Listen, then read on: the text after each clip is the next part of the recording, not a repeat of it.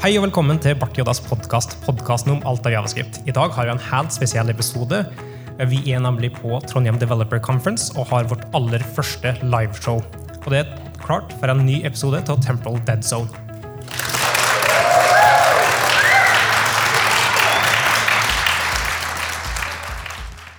Så til denne episoden her så har vi samla panelisteren Christian Alfoni. Vi har Christian Tryggestad Hallo. og Marius Krakeli. Hei. Og med Mikael Brevik. For dem som ikke har hørt om Bartiadas podkast før, så har vi en episodetype, et segment som vi nå da kaller Temporal Dead Zone. For noen som enten tar eller ikke tar den referansen, så er det en litt nerdete javascript-referanse. Temporal Dead Zone går rett og slett ut på at vi tar for oss et nyhetsbrev, og så eh, diskuterer vi de artiklene som er der i podkast, tar det opp.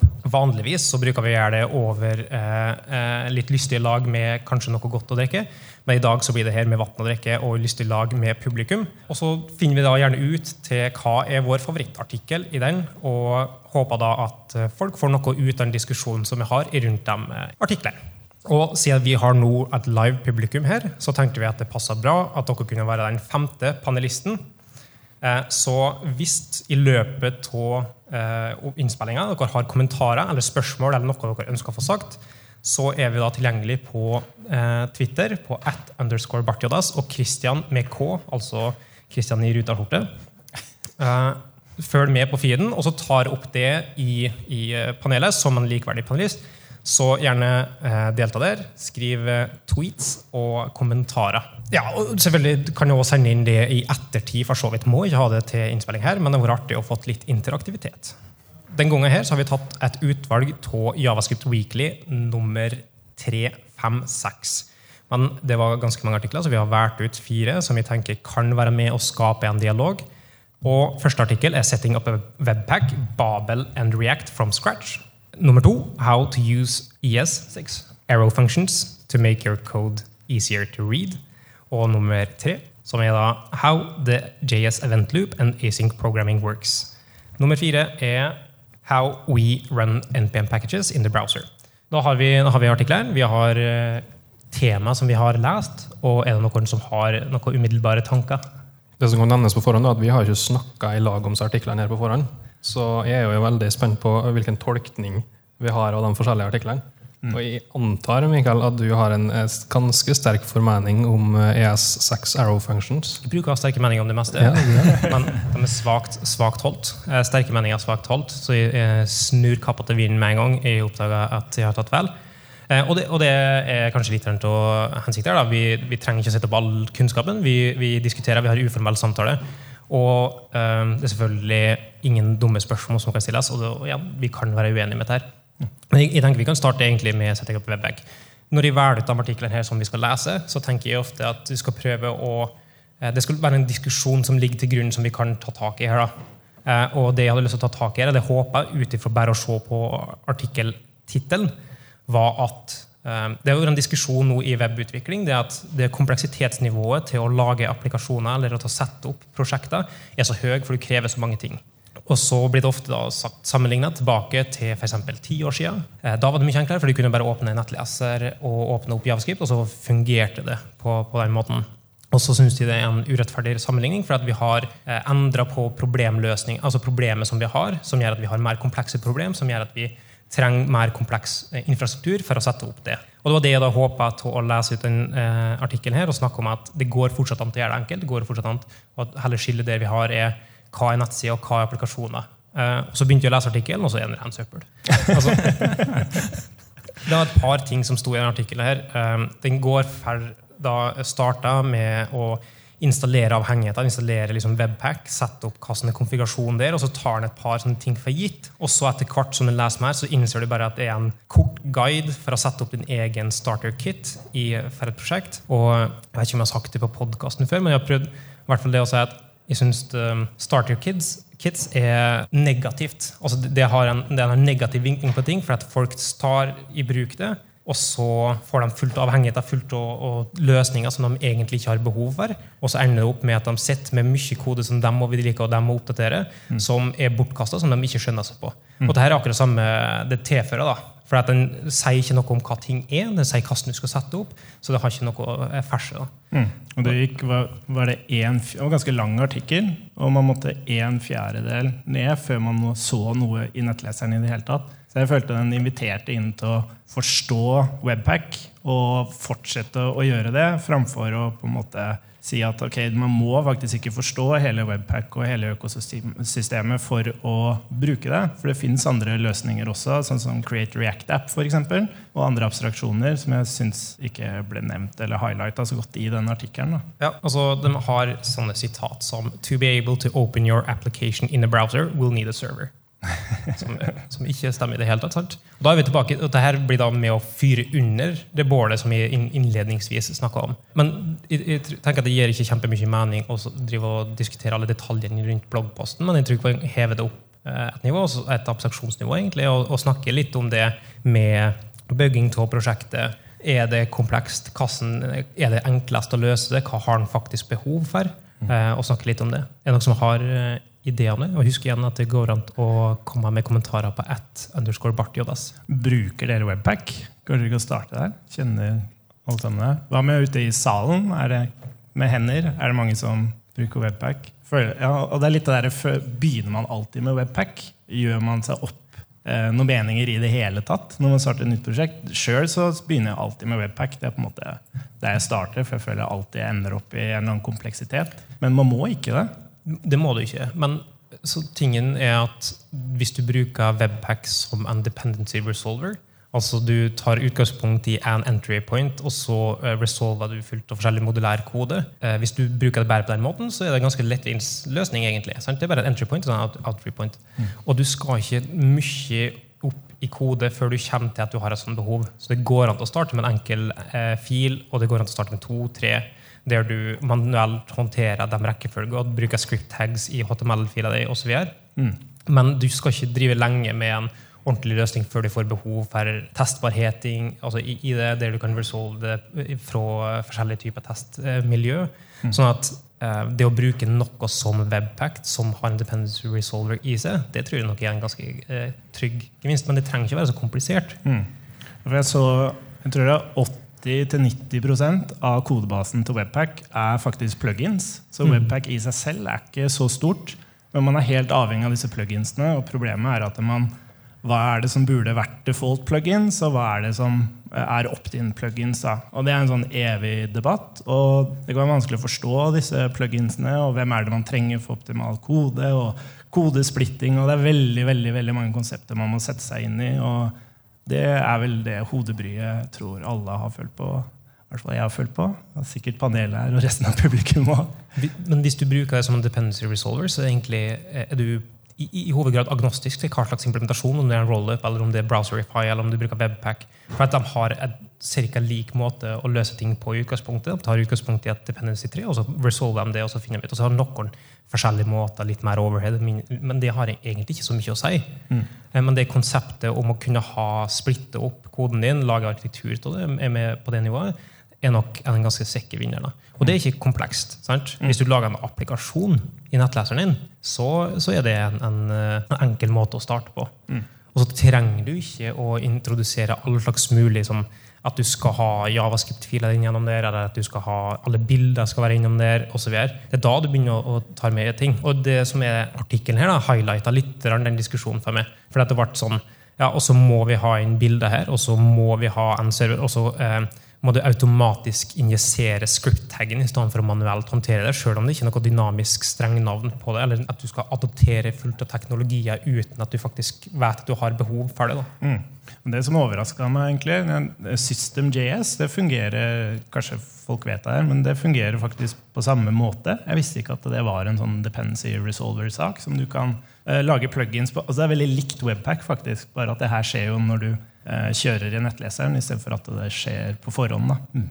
Et par andre ting som har irritert meg. Jeg skal ikke gjerne det, det liste opp mange ting som irriterer meg, men altså at you should use modern JavaScript. It makes things easier and re- uh, helps you write better code. Sant? Det er sånn absoluttisk uh, utsagn som vi syns er uh, unødvendig.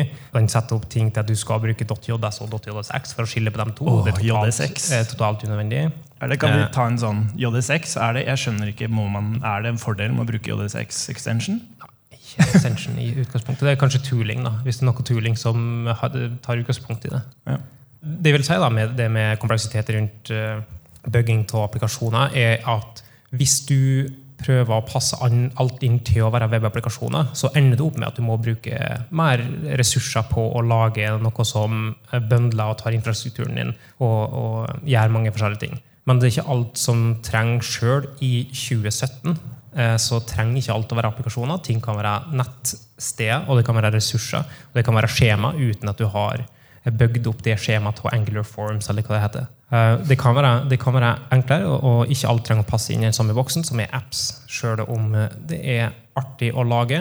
Men hvis du tar det steget om å lage applikasjoner, så du har gått vekk fra hva det er Java FX, Swing, AVT, jeg vet ikke hva som blir brukt, Flex var en greie, og og så videre, VPF tatt det steget til å, flytte alt det over til klienten og lage rike klienter på klientsida, så vil du òg få behov for å, å, å, bruke mer tid på bundling eller bruke mer tid på ressurshåndtering. på den måten. Da. Jeg så faktisk, uh, Nå var det en plug-in for, jeg tror det var for Gatsby, som er for å bygge statiske sider også. Så selv om du ikke har den app-opplevelsen, så kan man allikevel bruke et verktøy som Webpack da, for å bare bygge, uh, rett og slett bare bygge da, mm. de statiske filene. Men det er noe tilsvarende som du har med server-side-språk. Altså Razer i .net og alle sånne ting. Og du bøndler og kompilerer ting der òg. Mm. Det som er ting er at du ser nødvendigvis tenker jeg at du ser tilbake på hvordan ting ble brukt, og så tror du at ting skal være like enkelt da, men du tenker ikke over og anerkjenner at eh, behovet har endra seg. Også, da. Jeg tenker på hvordan det er som nybegynner. Bare den artikkelen her som var gikk veldig sånn greit steg for steg gjennom det. Hvor mange introduksjoner man får mm. som en nybegynner. Bare package Jason, hva er det for noe? Hvorfor kjører det en skript? og alt det her, og Plutselig kommer det en spesiell extension, og så skal man plutselig behandle bildefiler på en spesiell måte. Det er bare så sinnssykt mye å, å komme i gang med. Da. Er bare, jeg er glad jeg kom inn i det her for åtte år siden og ikke, ikke nå i dag. Det er helt vanvittig. Ikke sikkert du trenger å, å ta hele løpet. da. Altså, ja, du tenker på at det er mye å lære for at du tar den paten som du gikk, men du trenger ikke starte fra samme måte. Kanskje du kan starte lenger opp på stigen enn det du gjorde da. da. Altså, det er ikke nødvendigvis skalere sånn. For Det lurer jeg på med Create React-app. Der har du mye webpack-konfig under panseret. og Det skal gjøre det lettere å komme i gang. Men når du ejecter, altså bare åpner all kompleksiteten seg da, da tenker jeg, er det en bedre måte å lære det på, eller er det egentlig så Create React App er en uh, ferdig bundle fra Facebook. Uh, eller det er vel litt på sida av Facebook sin greie, men det er dem som forvalter, som har ferdig oppsett av forskjellige ting og plugins og sett opp uh, feilmeldinger, sett opp all slags mulige greier. Da. Men det er i bunn og grunn mye samme som en starterpack. For i det øyeblikket du ejecter og får ut en faktisk konfigurasjon som ligger bak, så er det et komplekst som bare det å, å håndtere. Mm. Og det er vanskelig. Ja, så det er liksom, Hva er den ideelle måten å gjøre det her på. Jeg har alltid tenkt liksom, nå i det siste at å, vi må ha flere abstraksjoner. Vi må gjemme all den konfigurasjonen for at folk skal komme i gang. Men til syvende og sist så kommer man kanskje i en situasjon der man må inn og low level da, og styre alt sammen. Men abstraksjon er noe som skjer når du ser et mønster eh, som du kan eh, gjemme vekk, til eh, noe som er enklere. Eh, så du burde heller ikke kunne gå fra noe som er kjempehøy nivå abstraksjon, til noe som er lavnivå. Jeg ville heller gått andre veien mm. når du har sett de behovene som du har, mm. og så kan du gjemme deg bak abstraksjoner. Så jeg synes det er en mye mer naturlig vei å gå, i stedet for å starte på topp abstraksjon og så gjøre noe med det. For mm. da er du fort på, på tynn is. Mm. Jeg tenker Vi kan gå videre hvis det ikke er noen som har eh, kommet inn noen kommentarer eller spørsmål. Nei, det har ikke kommet noe på Twitter. men... Uh hva syns dere om den typen artikler som det der? Syns dere det er unødvendig? For det er på en måte Sjøl syns jeg det er ganske viktig å vite hvordan webpack egentlig funker. Hvordan du kan sette det opp, og så kan du velge å bruke Man sitter igjen med det her? Delvis. Et slags innsyn, er det? Ja. ja. Mm. Det er ikke, Folk vil påstå Nei, altså, jeg, jeg, vil påstå at den ender opp med å, å gi den paint by numbers-type oppsett ting, uten at den gjør det argumentasjon eller hvorfor ting er sånn som det er. da. Mm. Sånn at du ender opp med å bare følge en guide på å gjøre det på uten, uten nyanse. Men kanskje det er en, en annen type artikkel som jeg ville ha forventa. Så det er ikke sikkert at artikkelen er feil, bare mine forventninger til det var feil. Jeg tror det kan være greit for en nybegynner faktisk, som aldri har sett Webpack før. som på en måte bare egentlig vil komme i gang med React. da, for å si Det sånn. Det er ikke Webpack som er målet. det er bare, ok, hvordan, For du må gjøre noe sånt som det er for å komme i gang med React. i det hele tatt. Eh, som et, sånn som du sa, et alternativ da, til å bruke Create React fordi du vil starte fra bunnen og forstå det, mm. så kan det kanskje være, kanskje kan være en grei artikkel allikevel, Mikael? Ja, jeg snur meg helt enig. Konklusjonen er jo veldig fin. Uh, hopefully you now understand Webpack better and are able to create new apps from scratch. Det er sånn som du Mikkel liker. Jeg liker det, at den avslutta med et bilde av Commander Keen. Ja, det er det. det er jeg. Jeg tenkte også, og jeg vil ikke at det skal bli en sånn ragefest fra min side, men, men artikkelen var 'How you can use ES6 arrow functions to make your JavaScript easier to read'. Man, uh, i, i, salen, hva mange foretrekker å skrive funksjoner som arrow functions? Uh, og Nå blir det ganske binært, uh, så det, er ingen nyanse i spørsmålet. Kan man like å, å ha arrow functions? Rekk opp hånda nå. 20% kanskje? Function declarations med named functions, normale funksjoner. Og, ingen, og resten av dere bruker ikke funksjoner. hva mange vet ikke hva arrow functions er? Det er lov å rekke opp hånda nå. Ja, de kommer her. I, i 2015-versjonen eh, av standarden så gikk de om til å kunne skrive funksjoner i Javascript eh, på en eh, alternativ måte for å automatisk ikke Eller egentlig for å arve det scopet som du er i. Sånn at du eh, skulle kunne peke på this inni den funksjonen til å mene der du definerte funksjonen i, i stedet for der den ble invokert på. Og det var utrolig komplisert måte å forklare det på. Men vi går videre. Um, så det er, en, det er, en, innført i utgangspunktet for å kunne håndtere kontekster i Javascript, som vanligvis kan være en komplisert greie. Men folk liker å bruke det fordi de mener at det er kortere å skrive. Så derfor er det da bedre. Mm. Uh, det er tre tegn kortere. Jeg vil bare ha det ut. Det er tre tegn kortere enn å skrive funksjon, og det er mindre eksplisitt. Uh, og du må skrive lik og pil, som er større mm. distanse på tastaturet enn å skrive function. Men tenk hvor mange du sparer sånn totalt sett. Hvor mange ganger skriver du det ikke? Jo, men, det er, ta, men, det er, også at på function så er alle bokstavene har en farge. Mens med arrow function så har det bare er lik og den der et krokodillemunn, kaller jeg det. da, eh, Som har farge. Så den tida du bruker på å identifisere at det er en funksjon, den på en måte går opp i opp, føler jeg da, på den tida du sparer på tegn. Det, det, er ikke en enten-eller-greie her. Altså, arrow functions kan funke fint i kombinatorer eller sånn mapping og filtring, og sånne ting, der du har en enkel eh, greie. Der, der kan de, for Da tar det vekk litt støy. Men hvis du har en stor function body, så blir det en, egentlig vanskeligere å se. Jeg synes Den blir, den blir eh, tjukk på kroppen. da. Altså, sånn at hodet og føttene blir for tynne. Så du ser epleforma funksjoner. Det er ikke bra. Men jeg mener der du piper ting, altså du mapper og reducer og ja. bruker litt sånn pure functions, da, det er der man absolutt ikke skal bruke det. For der er det perfekt å bare skrive en vanlig funksjon. Og så blir pipen din blir bare en referanse til funksjoner som beskriver akkurat hva de gjør, istedenfor at du må lese av denne arrow function og hva den gjør for noe, for å forstå hva er det som egentlig foregår inni den mappen. På et visst nivå, Hvis du skulle hente ut, altså hvis de skal ha en liste over objekt som har item name, og så skal du hente ut det, så er det like tydelig å skrive item dash whatever item dot name. Ikke akkurat. Du kan si get, take name. kan du skrive. Det er mer tydelig enn parentes, parentes er lik krokodillemunn. Kan du ha en, kan du ha en partial og så pick med uh, en uh, pick-funksjon inni der, og så komme name etterpå? Jeg skriver ikke pick-funksjoner. upassende. Det var veldig upassende, Mikael. I starten på artikkelen så står det Arrow functions are the new fundamental building blocks of building modern web applications. Det er liksom det, åpninga tar ting. Den ber noe om å være provoserende. Ja, det. Bare det at den introduserer Det er så uhorvelig mange måter å bruke en funksjon på. Altså Det er jo ikke bare en funksjon. Er, jeg husker, jeg blander alltid declaration og expression er med er lik, hvis du bruker en variabel. Det, er expression. det kommer på hvor du har en grammatisk ja, okay, posisjon. Henne. Du har expression, du har declaration, og du kan bruke det i vanlige objekter, du kan bruke det i klasser osv. Og, så videre, og, og arrow function bare pøse på med enda, enda, flere variasjoner av en funksjon. Og igjen, da, som jeg nevnte i stad, det å være ny i dag og bli utsatt for alle disse variasjonene, det syns jeg ikke noe om. Nei, altså Det fragmenterer på en måte litt. da. Altså, eh, altså en skriver det, Han går ned gjennom hvordan en arrow function kan brukes. Igjen så sier han at jeg merker ikke at den nye semantikken til de arrow-funksjonene er det som folk sliter med, men det er syntaksen til det. Men det skjønner jeg ikke helt fra syntaksen. Altså, eh, det er nå bare å føre en måte å gjøre det på, mens det som faktisk endra på, da, det at du ikke lenger kan bruke dissing, eller at du kan bruke diss og peke på det ytterskopet. Eh, det er det som blir ekstra forvirrende. Og jeg skjønner ikke hvordan noe som er komplisert i utgangspunktet, med å introdusere en ny ting som endrer på den originale oppførselen, kan være mer enklere.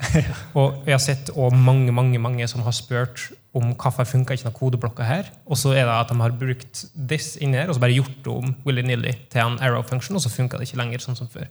Mm. Så det er ikke sånn at du slipper å ta hensyn til this bare for at du bruker en arrow function, mm. men du må fortsatt vite hva this er. Ja, for du har en, en klasse med metode der du f.eks. har promise, eh, der du returnerer promise, og så har du den, og så har du en callback der. Der er det nyttig med arrow function i forhold til this, fordi da peker du tilbake til klasseinstansen. Mm. Men si du trigger en event, for eksempel, så vil du ikke ha det. fordi da peker du ikke til event-scopet, eller gjerne elementet, f.eks. Du peker til whatever. Kanskje undefined, et eller annet. Så, en bedre løsning på det har vært å ikke bruke this. Ja. Altså, så har du unngått det i utgangspunktet. Så kunne du hatt roten, liksom. en funksjons, uh, funksjons-expression-spalt. Det hadde vært bra. Jeg møter ikke, mye motstand fra eh, gutta krutt på hjørnet. Hva tenker dere? Kan man ikke bare bruke dem eh, når det passer seg?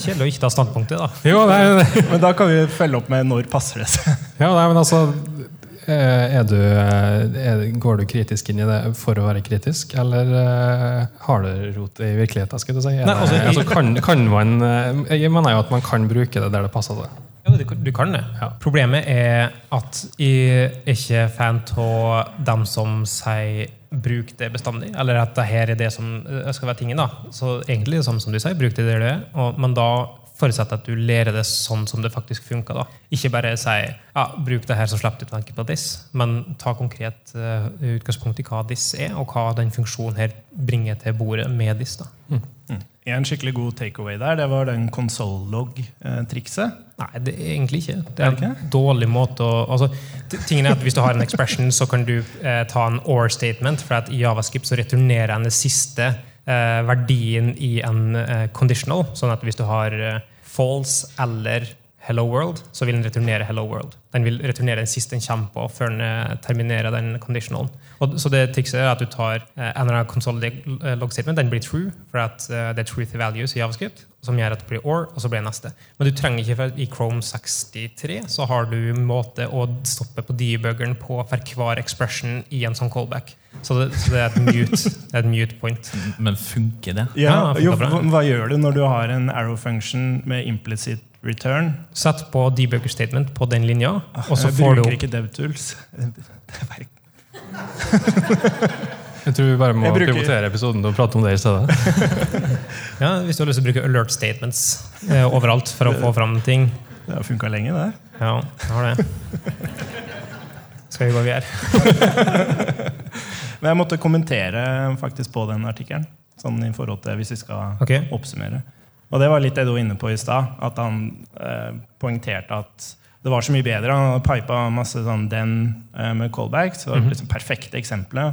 Men til og med der så mener jeg det ville vært enda bedre hvis det ikke, altså hvis det bare refererte til funksjonene istedenfor. Så du kunne lese den, den, den som Jeg husker ikke akkurat hva det var. Den uh, get items, take Hentet du noe fra en Twitter-feed? Ja. Og så take bla, bla, bla. Og så var det det du leste? Meget bra oppsummert. Ja, var det ikke det? Mm.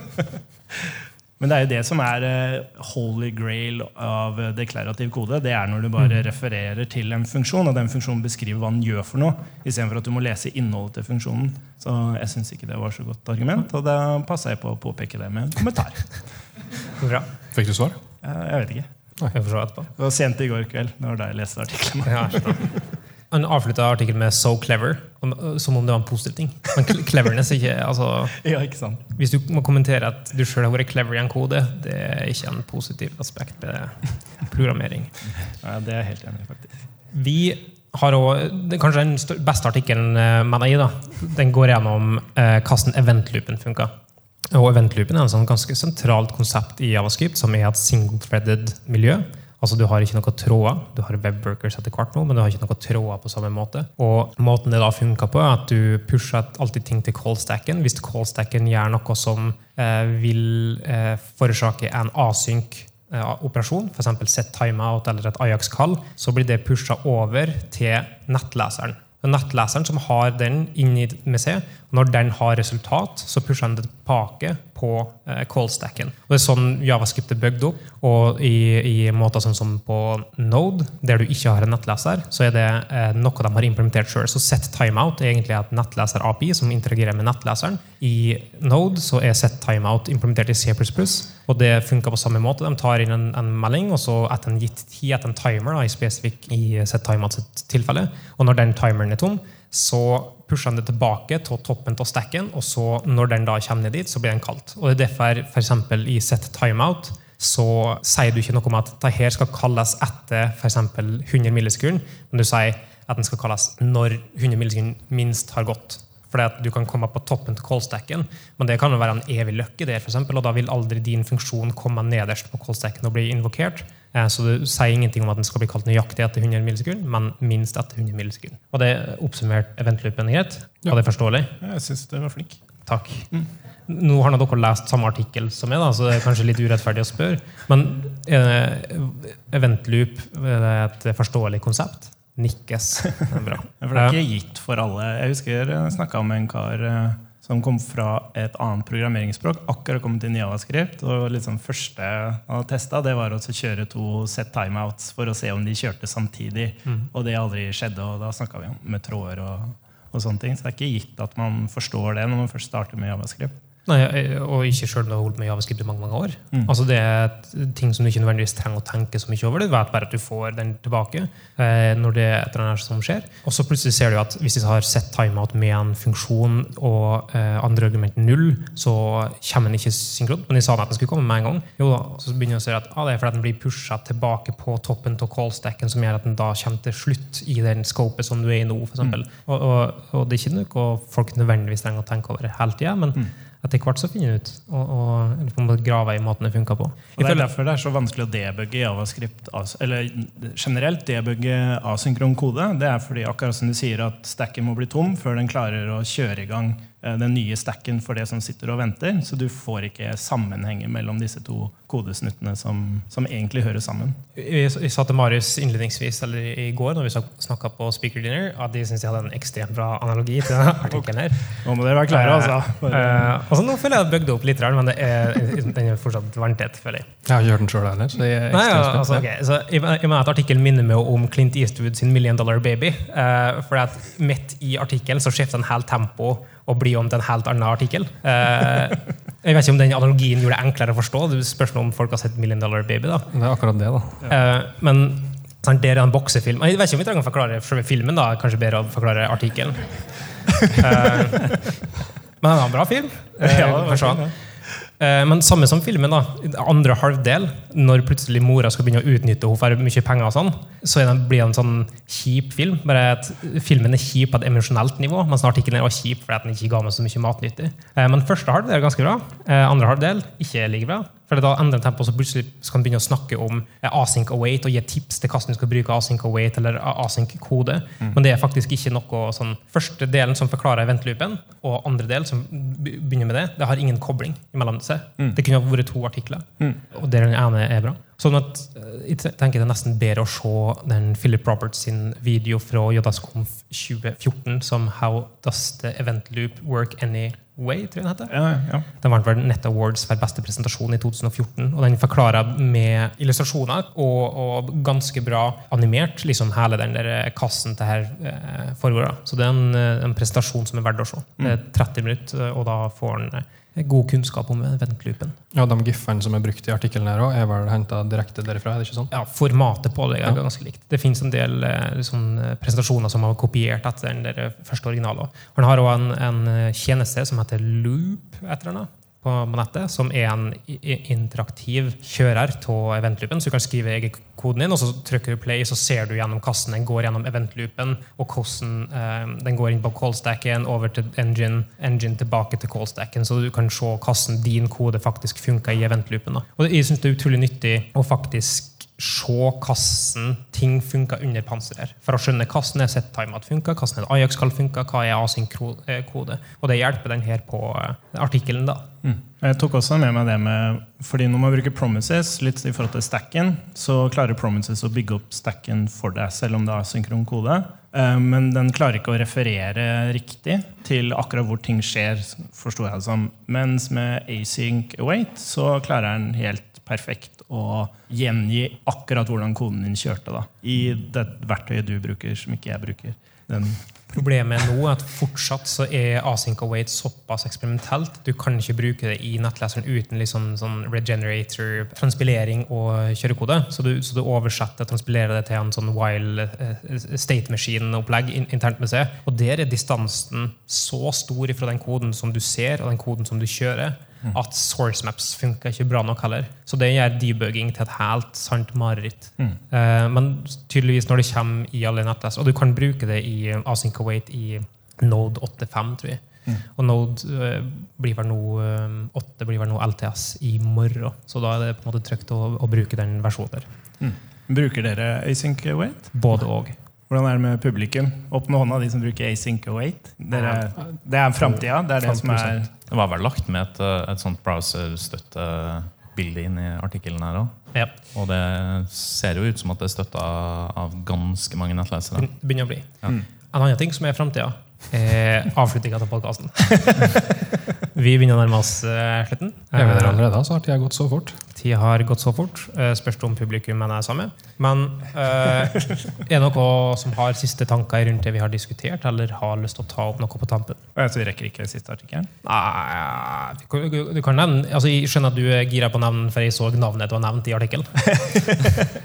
Nei, vi trenger egentlig ikke Jo da, ok, vi må nesten det. det er, men det er egentlig det er for å plugge en startup som heter Skrimba. Jeg vet ikke om noen har hørt om det her. Det er noen karer i Oslo som bygger en sånn screencast-løsning som er live. Så de recorder domoperasjoner og sånt som streames til serveren under opptak, og så streames det tilbake når man spiller av. Som betyr at de som ser på presentasjoner om React, og sånne ting, de kan bare trykke på pause når som helst, og så kan de fortsette å kode. Da. Det er egentlig ganske kult hva de har fått til. Kul teknologi eh, de eh, driver med. Kul teknologi. Mm. Uh, og så, ja, Denne artikkelen handler om hvordan man da skal håndtere MPM-pakker. For det er ingen verktøy nesten i dag man kan vise fram. Uh, I nettleseren? I nettleseren, vel å merke uten å kunne laste denne koden ned i, i, nettleseren. Og det er en, overraskende nok en kjempeutfordring, for det er veldig komplekst hvordan en pakke henger sammen med andre pakker osv. Det har vært litt forskjellige måter å gjøre det på. Bl.a. å eh, pakke alle pakker på forhånd. Eh, men da blir disse pakkene veldig store. Eh, og gjøre dette på serverside og blande det med webpack og sånne ting. Mens eh, de her gjør det rent i nettleseren. Da. Så all koden som kjører nettleseren, den blir evaluert. Og det er nesten som en sånn liten webpack som kjører på koden din konstant i nettleseren og er kjempesmart. Så de klarte å optimalisere noe vanvittig, sånn fra 150 millisekunder til 9 millisekunder for å fyre opp React og React om. Da. Og det er ganske imponerende å gjøre det. Vi kjører mange hot B-kall, da, så det er noe det som er flaskehalsen og latensyen på det. Mm. Bra. Vi må avslutte.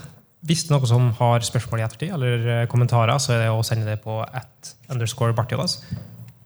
Eller så kan ta kontakt eh, direkte med Kristian Alfoni på på ett Kristian Alfoni. Eller eh, Kristian på ett Larifax med to r-er og en x. Yes. Um, og Marius kan ta kontakt med på ett Krakels eller med på ett Mikael Breivik. Så det er egentlig bare å si tusen takk for at dere møtte opp, dere som er her, og takk for at dere hørte på eh, podkasten. Så høres vi i neste episode.